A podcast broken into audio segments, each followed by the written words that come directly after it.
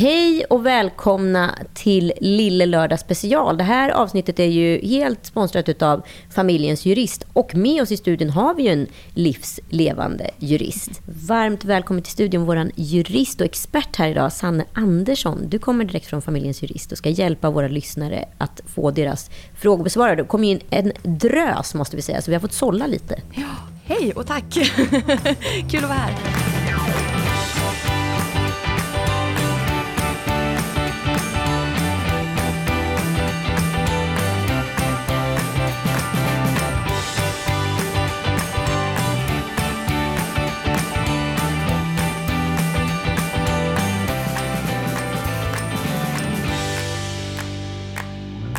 Ja, nej, jag gillar ju att eh, liksom grotta ner mig lite i såna undersökningar. För jag speglar mig själv. Jag tycker att det är väldigt svårt att prata ekonomi med sin partner. Och jag har ju haft några partners och jag har alltid tyckt att det varit svårt.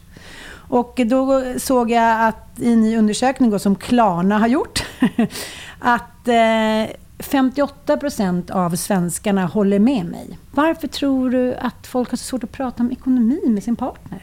Ja, jag håller med och tycker att det är väldigt intressant, den här eh, undersökningen. För att man märker ganska ofta, särskilt på de här konsultationerna vi kan ha ibland gällande exempelvis äktenskapsförord då, att det gärna är lite obekvämt att ta i de här mm. frågorna faktiskt. Eh, även när man sitter med en jurist.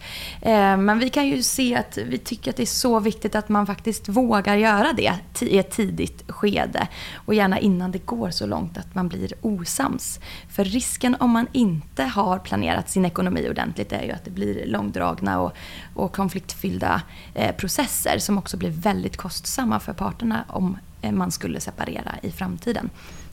Sanne, jag måste fråga en sak. Jag tänker att det är viktigt att prata om det här och därför är det så viktigt att du är här. För att jag mm. hänger, känner att samtiden inte har hängt med. Mm. Jag kan förstå om man kanske på 30-talet, där det var svårt att försörja sig själv, det kanske inte fanns så, så, mycket anledning till att ta upp det här, att man skulle skriva på äktenskap för ord, om det inte kanske var någonting, att man hade något arv med sig eller liknande. Men så många tusen som skiljer sig varje år, nästan 50 procent av alla som gifter sig skiljer sig och har då barn, många av dem. Och ändå tar vi inte mer ansvar för det här. Vad ska mm. vi göra åt saken? Mm. Påminna folk att det, här, det, det mest romantiska man kan göra, och för att ta ansvar för sina barn, det är att reda ut det här innan mm. man Absolut. bildar familj. Helt rätt. Mm. Och gärna medans relationen faktiskt är bra och man är på ett bra, en bra plats tillsammans. Liksom. Mm. Då är det absolut som bäst att ta upp den diskussionen.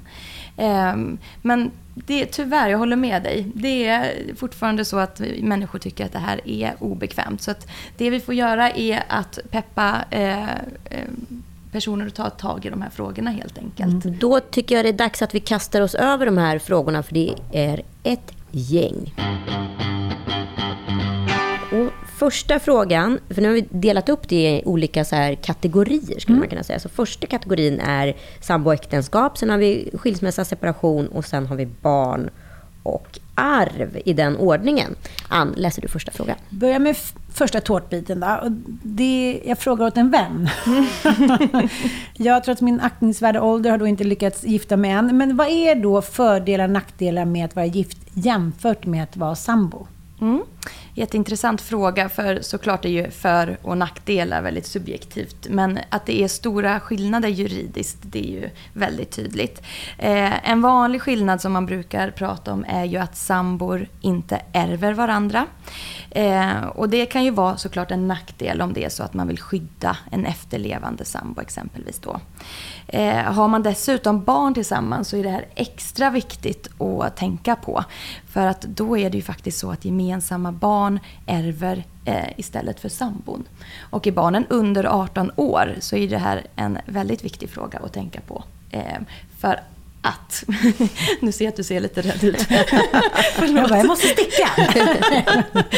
Nej, men just att eh, är barnen under 18 år då blir också överförmyndarnämnden inkopplat. Och arvet blir ju då överförmyndarspärrat. Så det blir en helt oberoende part som också ska in och, och tycka till om det här arvet. Då. Så att eh, heads up till eh, sambor, då behöver man fundera noga på det.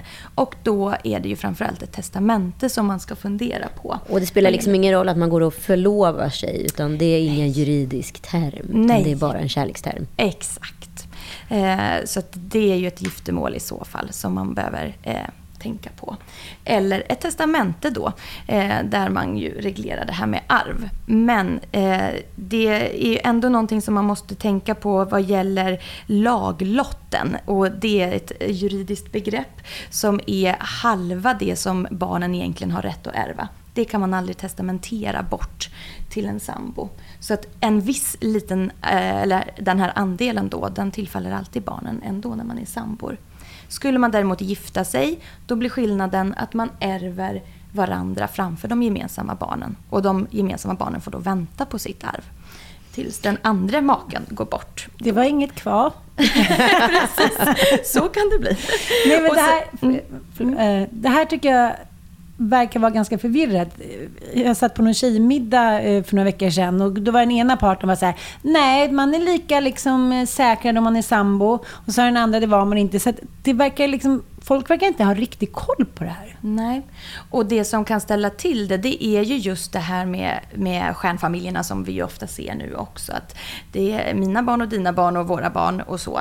Så att eh, det man också ska tänka på är ju, har man sådana här så kallade särkullbarn, alltså barn från en tidigare relation, då spelar det faktiskt ingen roll att man gifter sig. Utan då ärver barnen det ändå eh, efter sin förälder. Då. Så att där behöver man också fundera då på testamente i så fall om man har eh, det eh, eh, fallet helt enkelt. Då. En annan viktig skillnad att komma ihåg just vad gäller sambo versus om man är gifta är ju eh, det här med bodelning om man separerar. Och är man sambo då ingår bara eh, bostad och bohag som är inköpt för gemensamt bruk eh, vid en separation som huvudregel. Och är man gifta så ingår ju alla tillgångar eh, oavsett. Då. Så, att, så länge man inte har reglerat något annat i samboavtal eller eh, i ett äktenskapsförord exempelvis. Då. Och apropå ämnet så kommer nästa fråga här. Jag och min man har två barn och min man har ett barn sedan tidigare. Jag har ett eget företag och all vinst sparar jag till min pension. Nu vill jag skriva äktenskapsförord så dessa pengar verkligen är mina om min man skulle dö före mig. Då jag inte vill att det jag sparar till min pension ska gå till hans barn sedan tidigare. Men däremot, om jag och min man skulle skilja oss så vill jag att de pengarna som både han och jag tjänat in, pensionsspar, kapitalspar, hus, ska delas lika mellan oss. Kan man upprätta ett sådant äktenskapsförord? där man skiljer på om någon dör eller om man skiljer sig? Mm. Intressant fråga. Eh, det går tyvärr inte att reglera ett sådant äktenskapsförord som alltså gör skillnad på eh, bodelning då vid ett dödsfall eh, versus om man då eh, skiljer sig. Ehm, det här med äktenskapsförord är ju en reglering kring vilken typ av egendom som ska ingå vid en bodelning. Oavsett då hur bodelningen görs, om det är på grund av dödsfall eller skilsmässa. Eh, och det som man väljer att reglera i äktenskapsförordet som ska hållas utanför en sån bodelning kallas ju enskild egendom. Det som inte är enskild egendom är giftorättsgods och ska då ingå i en bodelning. Så att det, det blir samma eh, utfall så att säga oavsett där då. Men en alternativ lösning som jag har på den här frågan, det är ju att man kan spara i någonting som kallas individuellt pensionsspar. För det var ju just det som kanske var den primära frågan. Och då finns det en specialregel här som säger då att eh, det som finns sparat i individuellt pensionsspar som huvudregel inte ingår eh, vid bodelning med anledning av dödsfall. Men däremot om man bodelar på grund av skilsmässa. Så att då kommer man liksom eh, fram till det, eh, det svaret som den här eh, lyssnaren eh, söker efter helt enkelt. Och sen finns det en annan lösning också. nu är det mycket juridik Ja, verkligen. Ja. Och det är ju det att eh, det finns också eh, regler som gäller då när eh, det här arvet ska eh, eh, fördelas ut helt enkelt. Och huvudregeln är, vid ena makens bortgång är ju att en bodelning ska göras. Alltså att giftorättsgodset ska delas lika först innan arvet sen fördelas. Eh, det finns en undantagsregel från den här eh, huvudregeln. Och det är att en efterlevande maka kan begära en jämkning och då säga att jag vill behålla eh, det som är mitt. Så att man behöver inte då gå med på att göra den här bodelningen vid dödsfall faktiskt. Så det finns lite sådana här specialregler att hålla wow. koll på. Mm. oh my god. Här är en tjej som har skrivit då, har min kille rätt till 50% av min lägenhet om vi gifter oss? Då förutsätter vi att det är då hennes lägenhet som han flyttar in i. Mm. Och det här är en jättevanlig missuppfattning. Att man äger allting tillsammans bara för att man gifter sig. Men så är det inte. Inga, inga ägarandelar förflyttas bara för att man gifter sig. Utan det man kan ha rätt till det är ju hälften av värdet vid en eventuell separation. Så det är viktigt att hålla isär de här frågorna. Men det är en jättevanlig fråga som vi ofta får in. Och det här med ägandet, det kan ju ha praktisk betydelse. Så det behöver man ändå fundera på när man gifter sig eh, eller blir sambo. För att eh, det kan ju vara så att det är en person som är eh, ägare till hela bostaden. Är man äldre till åren och blir dement exempelvis eller så, så kan det ju bli stora problem om mm. man inte är delägare. Så att, men det behöver man se upp med helt enkelt och, och fundera över hur man vill ha det. Då. Så att om man ska då ha rätt till 50% då måste man ha reglerat det och skrivit sådana papper. Mm, precis. Mm. Alltså ägandet behöver ju eh, regleras helt enkelt. För det gör det inte per automatik bara för att man gifter sig. Okej, okay, bra. Om min partner är skuldsatt, kan vi skriva något så att jag inte riskerar att bli betalningsskyldig för hens skulder? Kan jag och min partner inte bli sambos eller gifta oss förrän partnerns skulder är borta? Mm. I ett eh, samboförhållande och i eh, även ett äktenskap så svarar vardera part för sina skulder. Så att man kan aldrig bli betalningsansvarig för en sambos skuld exempelvis. Men om nu den här sambon skulle välja att helt plötsligt struntar i att betala räkningarna och, in, och till exempel hamnar hos Kronofogden. Då kan ju det såklart påverka. För det Kronofogden då gör är ju en utmätning av egendom. Och det kan ju bli problematiskt om man bor tillsammans. För att då behöver man kunna bevisa vem som äger vad inne i bostaden. För annars går det att förutsätta att det som finns i en bostad tillhör den skuldsatta då. Så där behöver man vara lite försiktig. Men värt att tänka på här är ju att man vid en eventuell separation ändå kan drabbas ekonomiskt av partnerns skulder. För att eh, den här delen av tillgångarna minskar ju i en eventuell eh, bodelning då. Och för att undvika att drabbas på det här sättet så behöver man överväga att skriva ett samboavtal eller ett äktenskapsförord då, som reglerar att alla mina tillgångar och skulder är mina och alla dina tillgångar och skulder är dina. Så kallad enskild egendom då. Så att eh, det kan man se upp med. Jag kan eh, berätta en annan liten varning. En mm. kompis till mig skrev på sin mans lån då, för han fick inte ta lån till sitt företag. Mm. Och sen eh, ja, gick han och dog. Mm. mm. Och då blev hon ansvarig för det. Mm. mm. Så att det liksom... Skriv inte på förrän du har kollat upp. Det är mitt Nej, råd. Precis. Det kan ju liksom, det kan vara skulder för resten av livet som det blev för henne. Visst. Mm. Så konsultera alltid mm. sakkunniga här innan man eh, eller överväger att göra mm. något sånt. Skulle jag säga. På familjensjurist.se. Ja.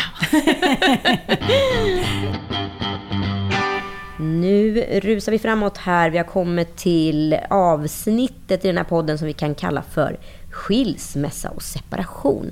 Nu kommer jag lyssna ordentligt i alla fall. Jag kommer också lyssna otroligt noga för det här råkade min pappa ut för faktiskt. Ja, vi har varit gifta i 12 år och har två barn tillsammans. Eh, vi bor i en hyresrätt som min man ägde när vi träffades. Jag flyttade in hos honom och sen har vi gift oss och fått barn och nu hävdar min man att hyresrätten är hans och jag måste hitta någon annanstans att bo vid skilsmässan. Är det inte så att vi har lika stor rätt till lägenheten båda två och istället borde byta den mot två mindre? Mm. Det är en liten eh, klurig fråga det här. För att en hyresrätt är ju ganska vanligt men det saknar faktiskt ekonomiskt värde rent juridiskt när man ser på det här. Och därför så tillsätts inte en hyresrätt något värde i en bodelning när man separerar. Men enligt lagen så är det så att det är den make som bäst behöver den gemensamma bostaden som eh, ska eh, få behålla den. Och hur om man värderas sånt då? Mm, det är svårt. För att det, man kollar ju på Eh, omständigheterna i det enskilda fallet helt enkelt. Har man exempelvis barn och eh, då kollar man ju på var barnen ska bo. Ska de bo med ena föräldern då är det oftast den föräldern då som får behålla eh, bostaden. Men det krävs ändå eh, så kallade skäl, att det ska vara skäligt att man får överta en hyresrätt. Då. Så det, det är en liten eh, specialregel kan man säga då. Och angående den här frågan till att byta till två mindre bostäder så ska man ju kanske lyfta saken att lagen säger ju en sak, hur bodelningen ska gå till. Men det är ju avtalsfrihet som råder här. Så att man behöver ju komma överens i de här frågorna och avtala fram ett juridiskt dokument då. Så att det kan ju vi absolut eh, tycka är det viktigaste, att man försöker tänka långsiktigt. Särskilt när det är barn involverat. Och vi vill ju gärna att man, man ser på det här eh, föräldraskapet också och, och försöker vårda relationen så gott man kan. Eh, förstås, för att det i långa loppet ska fungera. Det är ju lätt, märker jag, mm. att barnen blir någon form av eh, liksom, trumf på mm. hand mm. i en separation mm. som tenderar till att bli rätt grisig. Är det mm. någonting ni är med om? Ja, tyvärr är det ju ofta så. Eh, så vi kommer in på barnfrågorna lite senare också som ligger mig extra varmt om hjärtat. Men det är ju tyvärr så att barnen ofta blir slagträ i de här konflikterna. Ju. Och det är ju beklagligt. Eh, och vi har ju samarbete med exempelvis terapeuter och så och tycker att det är viktigt att man inför en separation noga funderar på vad som är väldigt viktigt för en själv här. Eh, och försöker komma överens så att det blir så bra som möjligt för barnen. Precis, det blir lätt att man gaslightar lite för att mm. kunna ja, göra det bättre för sig själv och prata lite inom barnen. Ja, precis.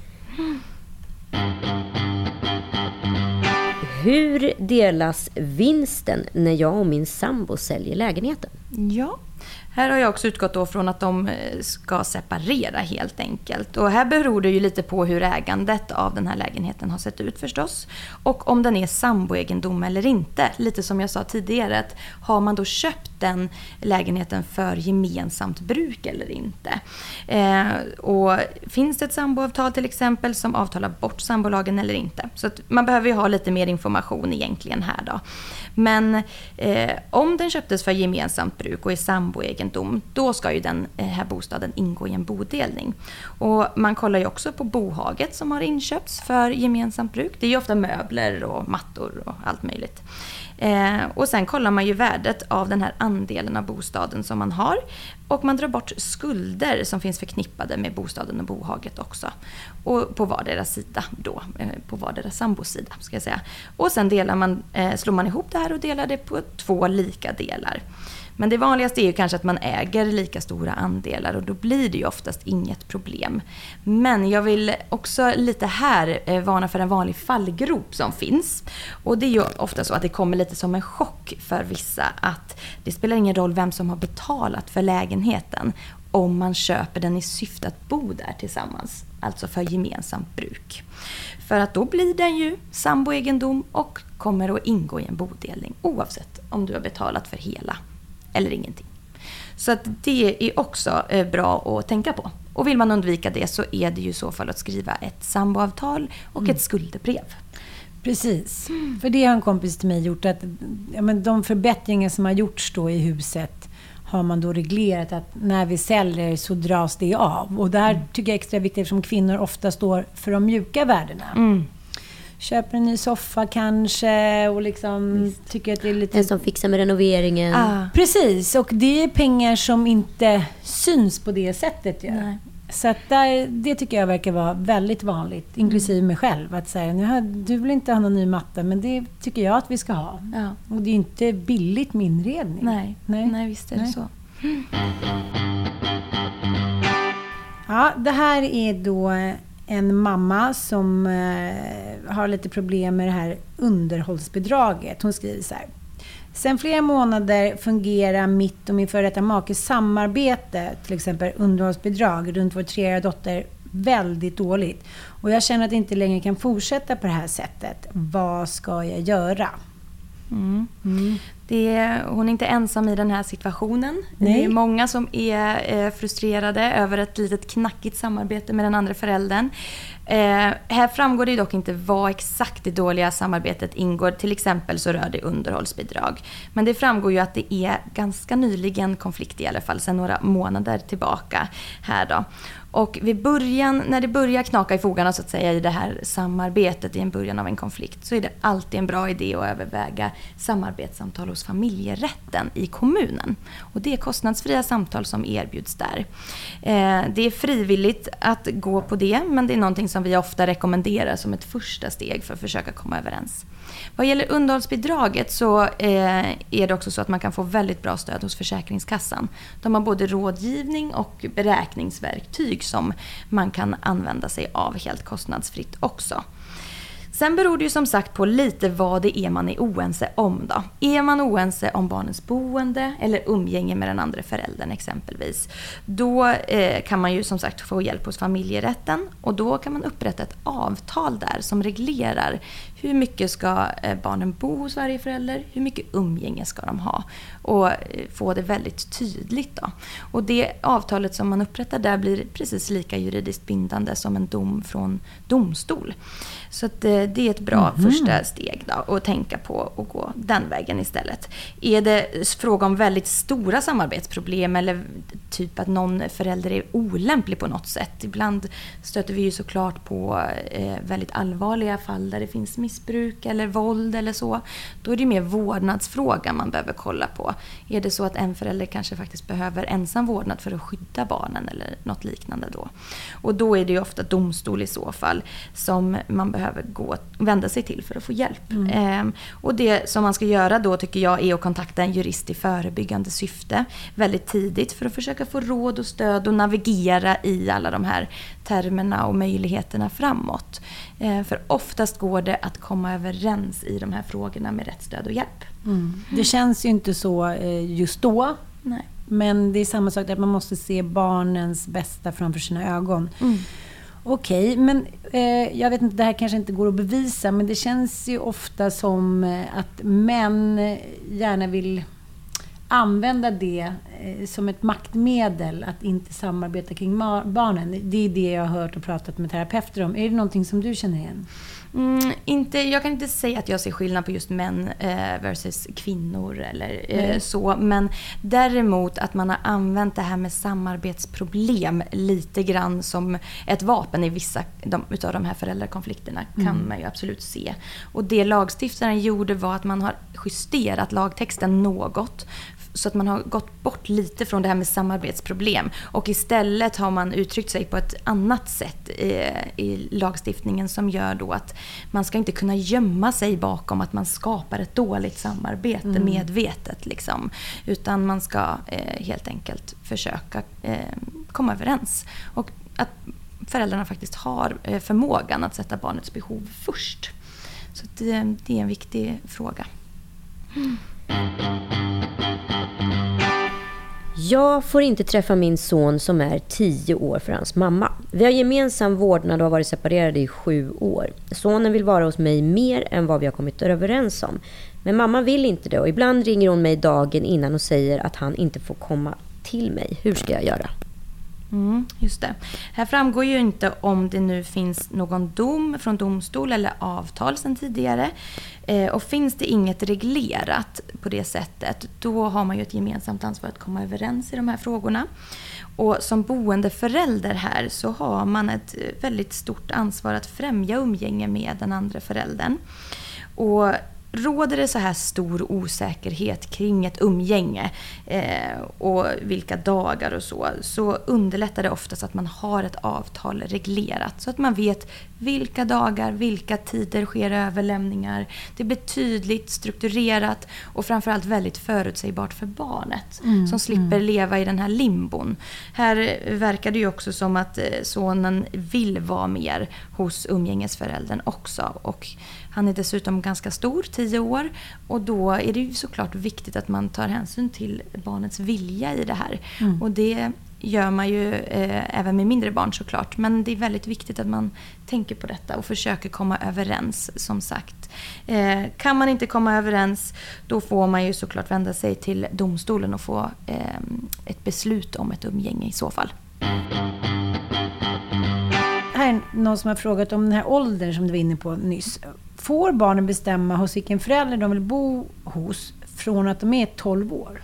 Mm. Det där är en väldigt vanlig missuppfattning eh, som vi får frågan ofta i de här vårdnadstvisterna man är i. Nu är ju barnen 12 år, nu får de bestämma helt själv. Men så är det inte. Eh, utan det fanns en sån tidigare åldersgräns, om man säger så, i praxis. Men det finns ingen sån tydlig åldersgräns längre. Utan lagstiftningen säger att man ska beakta barnets vilja med hänsyn till ålder och mognad. Så att det är absolut så att barn under 12 år ska få ha barnsamtal och komma till tal så att man ska beakta deras vilja också. Eh, och såklart kan det också vara äldre barn än 12 år som kan vara under jättestarkt eh, påverkan av en förälder som är olämplig på något sätt exempelvis och där man kanske behöver eh, fundera på vad som blir bäst för det barnet. Eh, men det är som sagt inte någon sån tydlig åldersgräns, nej. Ja, den här frågan återkommer många till tycker jag. Eh, jag och min före detta man har gemensam vårdnad om barnen och nu vill jag flytta till en annan stad. Kan jag bara göra det? Mm, det här med vårdnaden, det reglerar ju egentligen de juridiska besluten som ska fattas kring barn. Flytt är ju ett typiskt sånt juridiskt mm. beslut. Skola, sjukvård, eh, kontakter med myndigheter. Alla mm. liksom, eh, blanketter som behöver undertecknas och sådana saker. Det hänför sig till vårdnadsfrågan. Mm. Och vårdnaden kan ju vara gemensam eller ensam. Och har man gemensam vårdnad då behöver man ju fatta gemensamma beslut kring barnen. Så att man får inte fatta de här besluten självständigt och bara flytta till en annan kommun. Visst är det så att jag har en kompis som har en pappa då som inte bor i Sverige. Mm. Och de har så kallad gemensam vårdnad fast barnet är hos henne mer än 90 procent av tiden. Och då säger han ibland att han ska komma och hämta barnet, eh, men gör inte det. Och är hon liksom... Så hon blir helt kidnappad i sitt, sitt hem i princip. Ja, men om hon då exempelvis skulle åka iväg och bada med mm. barnet fast han har sagt att han ska komma, fast han har ju sagt det jättemånga veckor. Mm. Liksom. Eh, blir det då juridiskt som att hon kidnappar barnet ifall han skulle dyka upp exakt just då. Mm. Nej, utan har man eh, vårdnaden då har man ju möjlighet också att fatta de vardagliga besluten kring barnet som man ju behöver kunna göra för att få vardagen att fungera. Det är ju mer de här stora besluten som man inte får fatta ensam om man har gemensam vårdnad. Så att absolut att man får åka och bada. Eh, här handlar det ju dock lite om vad som, eh, om det finns något reglerat eller inte. Finns det en dom från domstol som reglerar hur umgänget ska se ut med pappan i det här fallet som du nämner, eller ett avtal då som man har kommit överens om hos familjerätten, då har man ju en skyldighet att följa det så att säga, som boendeföräldern i det här fallet. Men har de inget sånt reglerat, och då, då kidnappar hon ju absolut inte barnen genom att åka och bada. Nej.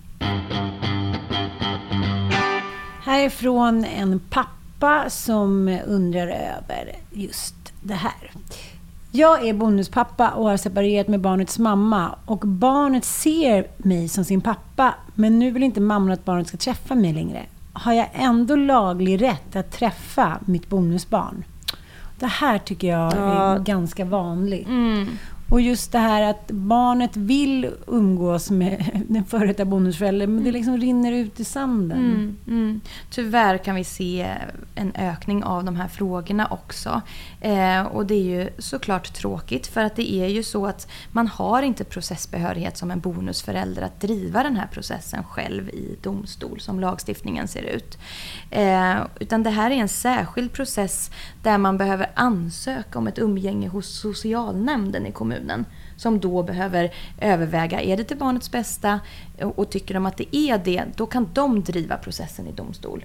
Så det blir liksom, eh, man blir lite maktlös där tyvärr. Eh, så det, det, men det är så lagstiftningen ser ut. Men jag, och jag tror att det är ganska ovanliga processer också. Eh, det är inte jättevanligt att vi ser de typerna av processer. Så vi får väl se vad framtiden erbjuder nu. Eftersom det är väldigt många som ju lever i bonusfamiljer.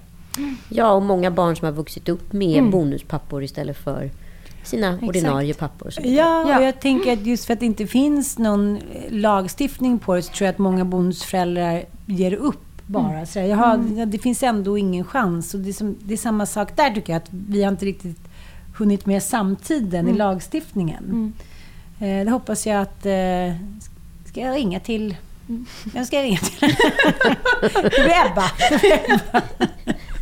Nej, men det, det är sorgligt och jag tycker mm. man hör det även från sin egen uppväxt. Mm. Ja, och sen så skilde sig mamma från Leffe och då träffade jag aldrig honom, men han var så snäll. Mm. Det är ett väldigt abrupt slut mm. för många barn och det är, precis som du säger, det är är ju deras pappa då inom citationstecken mm. mm. för dem känslomässigt. Ja. Och sen så från en dag till en annan så, så är hen bara borta. Ja, exakt. Ja.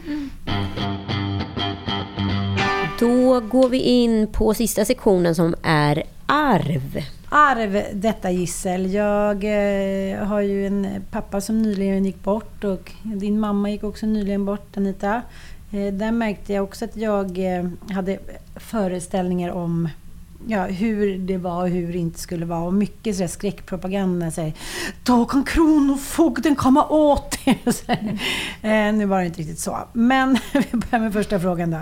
Jag undrar om min pappa dör, vi har in, ingen kontakt sedan 25 år tillbaka, kommer jag få veta det då? Jag har två äldre halvsyskon som förhoppningsvis skulle säga till, men man vet ju aldrig med människor. Mm. Har man laglig rätt att få då uppgifter om det här? Är frågan. Mm. Ja, men precis. Eh, rent praktiskt så går det till så att när en person avlider så registreras ju det hos Skatteverket. Och det juridiska som sen ska ske är att man upprättar en bouppteckning. Vi brukar kalla det för livets bokslut. Man listar tillgångar och skulder i det här dokumentet som fanns på dödsdagen. Och inför en sån här bouppteckning så ska man kallas till en bouppteckningsförrättning. Och då är det alla som är arvsberättigade som ska kallas till den förrättningen. Och därigenom får man ju också reda på då om en förälder i det här fallet har gått bort. För att då ska man ju kallas. Och Skatteverket registrerar inte den här bouppteckningen om inte alla har kallats på korrekt sätt. Så att på det sättet får man ju reda på det då. Och ibland så dyker det upp lite nya syskon. Mm. Mm. Så kan det vara. Ja. har jag hört. Ja, det har man hört om. Apropå ämnet höll jag på att säga. Min man vill göra sina barn från ett tidigare äktenskap, så kallade särkullsbarn, arvlösa genom testamente. Går det? Nej. Enligt svensk rätt så kan man inte göra sitt barn arvlöst på det här sättet. I den bemärkelsen i vart fall att barnet inte ärver någonting alls. Det finns eh, två juridiska termer här eh, när man pratar om arvet som brukar användas. Och det är ju arvslott och laglott. Och arvslotten är ju det som man enligt de här vanliga arvsreglerna egentligen har rätt till då. Eh, och det man kan göra är att man kan reducera barnets arv genom att enbart ge rätten till laglotten som då är hälften av det arvet som man egentligen skulle ha fått. Då. Och det kan man testamentera bort i så fall. Eh, så att då är det testamente som man behöver fundera på om man vill reducera barnets arv. Helt enkelt. Så det går inte som eh, vissa tror att eh, skriva bort bara, då måste man starta en stiftelse och liknande. För det går väl? Alltså så här, det går ju också i den bemärkelsen att du får ju leva för dina tillgångar förstås, hur mm. du vill medan du är i livet. Men just att testamentera bort eh, tillgångar på det här sättet går inte. Man kan inte göra barn helt arvslösa helt enkelt. Nästa fråga handlar om eh, en kvinna och en man och där kvinnan inte har jobbat så himla mycket. Då. Min pappa träffade en kvinna som slutade jobba direkt efter att de slog sina påsar ihop. Dessvärre visade det sig att hon även dricker alkohol då kan jag förmoda, på heltid. Nu är min pappa sjuk och lever inte länge till. Hon har sedan han blev sjuk hans bankdosa i sin kontroll. Det finns antagligen inget arv kvar. Pappa har ett radhus som kvinnan bor i och pappa är inlagd sedan ett halvår tillbaka. Hon hävdar att hon ska bo där tills hon dör. Pappa äger radhuset själv. Vad gäller här? Är det okej okay att hon har hans bankdosa? Kan man i efterhand se hur mycket hon har spenderat av pappas pengar? Oh, vad rörigt. Mm, rörigt och klurig fråga. Eh, jag har delat upp den här lite nu då. Eh, för första frågan gäller ju egentligen om sambon har rätt att bo kvar fram till hennes död. Och eh, då har jag också tolkat den här eh, lyssnarfrågan så att eh, pappan ägde huset innan sambon flyttade in. Och därför är ju den inte samboegendom så som vi pratade om tidigare. Mm. Så att det finns ingen bodelningsrätt här för sambon eh, den dagen pappan går bort. Så att svaret beror helt på om det finns något testamente eller inte här då. Sambor ärver ju inte varandra som bekant. Eh, så att om hon ska ärva eller ha rätt att bo kvar i huset så gäller det ju att det finns ett testamente upprättat då. Sen vad gäller frågan om bankdosan så är ju utgångspunkten att den är personlig. Den får inte brukas av någon annan än en själv. Och det är ju dock banken här som man behöver kontakta kring det här. Då. Det finns regler kring något som kallas anhörigbehörighet. Så att man har som anhörig möjlighet när någon har blivit väldigt sjuk att vidta vissa åtgärder och betala löpande eh, räkningar eller utgifter exempelvis. Eh, men då krävs det som sagt att pappan då i det här fallet är så pass sjuk att han inte kan fatta de besluten själv. Eh, sen tycker jag i den här frågan är det ganska intressant att fundera på också hur pass sjuk är den här pappan? För eh, det framgår inte riktigt om han har den mentala förmågan att fatta egna beslut eller inte. Är han inte det så skulle man kunna överväga att ansöka om en god man här. Eh, som skulle kunna eh, då bli utsedd för att hjälpa till i sådana här ekonomiska frågor. Är han inte eh, så pass dålig så kan man diskutera frågan om framtidsfullmakt som faktiskt är ett dokument som eh, ersätter en god man kan man säga. Det är ett alternativ till godmanskapet. Och hur funkar det då? Mm. Framtidsfullmakten är ju ett juridiskt dokument som sagt där man då utser eh, den personen man vill ska företräda en själv. Så att man själv har makten lite kan man ju säga att bestämma att den dagen jag blir så dålig att jag inte själv kan fatta mina egna beslut, då vill jag att mitt barn, är ju ganska vanligt då, ska kunna hjälpa mig med de här frågorna då. Så att, eh, det är ett alternativ. Om den här pappan sen skulle gå bort, eh, just som svar på frågan om man kan kolla tillbaka i tiden på kontoutdrag och liknande, eh, hur mycket den här sambon har ehm, spenderat, då behöver man i så fall ansöka om en boutredningsman, kallas det. Så man har då juridisk möjlighet, en sån jurist som utses då, att kolla upp det här helt enkelt. Mm. Wow! Mycket information. wow. Okej, den här frågan den är rakt på sak kan vi säga. Tre syskon som ärvt ett sommarhus av föräldrarna. Första är inte intresserad av att äga tillsammans och vill sälja sin del. Syskon nummer två har inte råd att köpa ut syskon nummer ett. Och personen som har skrivit det här brevet har inte möjlighet att äga själv. Kan vi hindra syskon nummer ett från att sälja? Kan jag tvinga syskon nummer två att köpa ut syskon nummer ett? Det står inget i testamentet om vad som gäller om någon vill sälja. Mm. Är det någon som hängde med? ja, jag tror jag hängde med. Jag tror jag hängde med. Mm. Eh, det som är är att man kan ju inte hindra någon från att sälja fastigheten. Och om inte de övriga delägarna eh, vill sälja så kan alltså en delägare i den här fastigheten ansöka om en så kallad tvångsförsäljning. Då. Eh, och det går heller eh, förstås inte att tvinga någon som inte vill vara med och köpa någonting att vara med och köpa ut det här andra syskonet då. Men en sån här tvångsförsäljning innebär ju oftast att eh, fastigheten kan eh, säljas till ett undervärde. Det kommer ju också in andra budgivare i en sån process. Så att eh, vi brukar ju alltid rekommendera att kan man komma överens om en försäljning i det här läget så är ju det såklart oftast det bästa. Min eh, kompis råkade ut för det där. Mm. Att hen fick då en vecka på sig att bestämma sig, annars så blev det tvångsförsäljning. Mm. Man mm. tänker så här, men det var väl på 1800-talet i fattighuset, men mm. det sker fortfarande. Ja.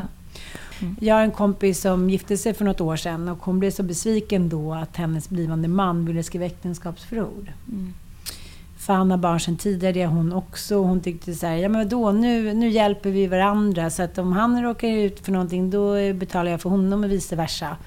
Och jag blev lite förvånad. Jag var så här, vi är inte 22. Mm. och att det fortfarande eh, handlar så mycket om just romantik. För där säger mm. man ju ofta så här, vadå ska vi inte Madonna äktenskapsförord? Gud, det var dumt. Mm. Att vi människor ändå så gärna tror och vill att det ska vara för evigt och sen så leder det till så mycket liksom, jobbighet efteråt. Mm. Mm. Så vad är din, ditt råd till alla som är kära och tokiga? Mm. När man själv har varit det, så här, man tänker ju inte ens på det, men, men, man tänker att det är oromantiskt. Och det är också, mm. tror jag, finns kvar sen så här, Gud och kyrkan och fästemannen och sådär. Men det är precis tvärtom har man ju insett med mm. några år på nacken. Mm, visst är det så. Men mitt råd där är ju eh, lite som vi har varit inne på inledningsvis, att diskutera ekonomi när relationen är bra. Mm. Eh, att prata om hushållets ekonomi när relationen är bra bidrar ju till att en eventuell skilsmässa blir mindre konfliktfylld. Eh, och det gynnas ju alla av. Och man slipper eventuella långdragna och kostsamma processer som det ju mm. innebär om man sen börjar bråka senare. Så det är väldigt viktigt. Är man gift eller planerar att gifta sig så behöver man se över de här dokumenten. Behöver man upprätta äktenskapsförord? Kan det vara aktuellt med testamente? Eller eh, är man sambo, är det andra dokument, kanske samboavtal eller skuldebrev som man behöver se över? Så det är alltid rådet inför varje större beslut eh, i en relation egentligen. Att mm. kontakta gärna en jurist eller i vart fall se över mm. om ni behöver upprätta några dokument eh, för att undvika konflikter längre fram. Ja, exakt. Det man, om man är smart och kärleksfull och litar på sin partner, då ska man nog våga ta upp de här jobbiga frågorna. Mm, absolut. Tack snälla familjens jurist för att ni har varit med oss den här månaden. Och wow, vilken liksom, uppslutning måste jag säga i engagemang. De här frågorna rör om och berör. Mm. Mm. Och jag tänker just eh, att vi alla måste ta ett ansvar för att prata med våra barn också om ekonomi och såna här frågor. Mm. Så att inte nästa generation, att det kommer nya undersökningar mm. som konstaterar samma sak. För jag tänker att om man bara pratar om saker från början med barnen mm. så bara finns det ju där lite i ryggraden. Mm. Eh, men om man inte gör det, då pratar mycket om bortskämda unga barn som inte har någon koll på sin ekonomi. Men jag tror att det har varit så nästan alltid. Mm. Att vi inte ska prata om ekonomi med våra barn. Och sen så slungas man ut där utan verktyg. Och så sker en massa saker, ja, men tråkigheter, mm. som hade kunnat förhindras om man bara hade pratat med barn. Och det behöver ju inte vara någon föreläsning varenda dag. Men lite grann, så att man mm. förbereder barnen. Det tror jag är otroligt smart och mm, viktigt. Absolut. Mm. Och pratar man tidigt om de här frågorna och undviker konflikter, då tror jag också att man kan undvika konflikter om barnen exempelvis. Man kan mm. undvika vårdnadstvister som vi ju ser har ökat lavinartat exempelvis. Så det, där måste man ju också ta sitt ansvar eh, och tänka på eh, barnen i det långa loppet. Mm. Ehm, för att barnen drabbas ju absolut allra hårdast i de här tvisterna. Så det man måste komma ihåg, tänka på barnets bästa. Jag kan inte understryka det nog. Mm. Eh, och separera eh, vad har barnet behov av om man, det skulle gå så långt att man inte kommer överens. Så, mota Olle vid grind och mm. sätta upp ett äktenskapsförord, samboavtal, så vidare, framtidsfullmakt och testamente. Allt, testamente. Där har vi ramat in alltihopa. Precis. Mm. Och framförallt fokus på barnen. Ja, mm. och skulle man ändå någonstans landa i att man inte riktigt kommer överens, våga ta hjälp i, i god tid innan konflikten eskalerar. Precis. I ett förebyggande syfte helt enkelt. Och då finns ju familjens jurist alltid där. Ja. Tack för att ni har lyssnat. Tack. Tack. Och vill ni veta mera, gå in på familjensjurist.se.